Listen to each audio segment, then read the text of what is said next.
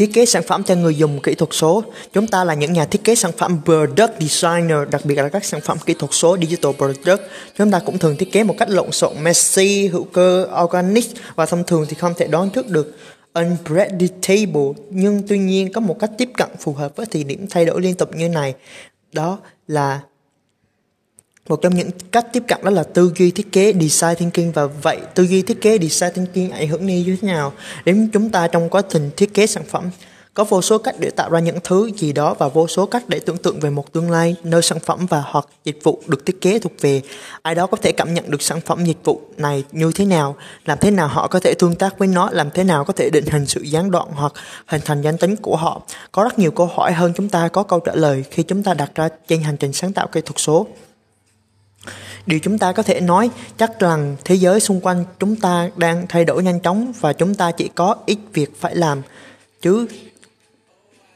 ngoài việc thích ứng với tốc độ thay đổi một cách chiến lược, điều này có nghĩa là đối với nhà thiết kế kỹ thuật số, digital designer là thiết kế tốt hơn, design better, nhanh hơn, quicker, hiệu quả hơn, more effectively và có mục đích hơn with more purpose. Làm thế nào đây? Bản thân cách tiếp cận quá trình thiết kế có thể lợi thế chiến lược trong một thiết kế luôn thay đổi chúng ta không thể trả lời dựa trên các giả định assumption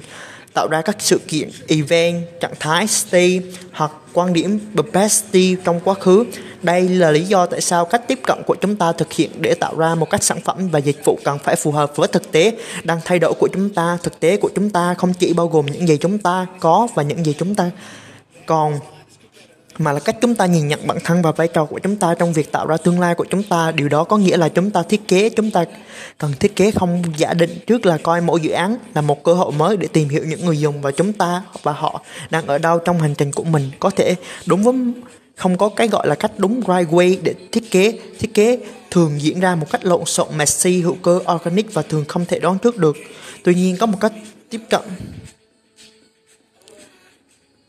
tôi ghi thiết kế design thinking mà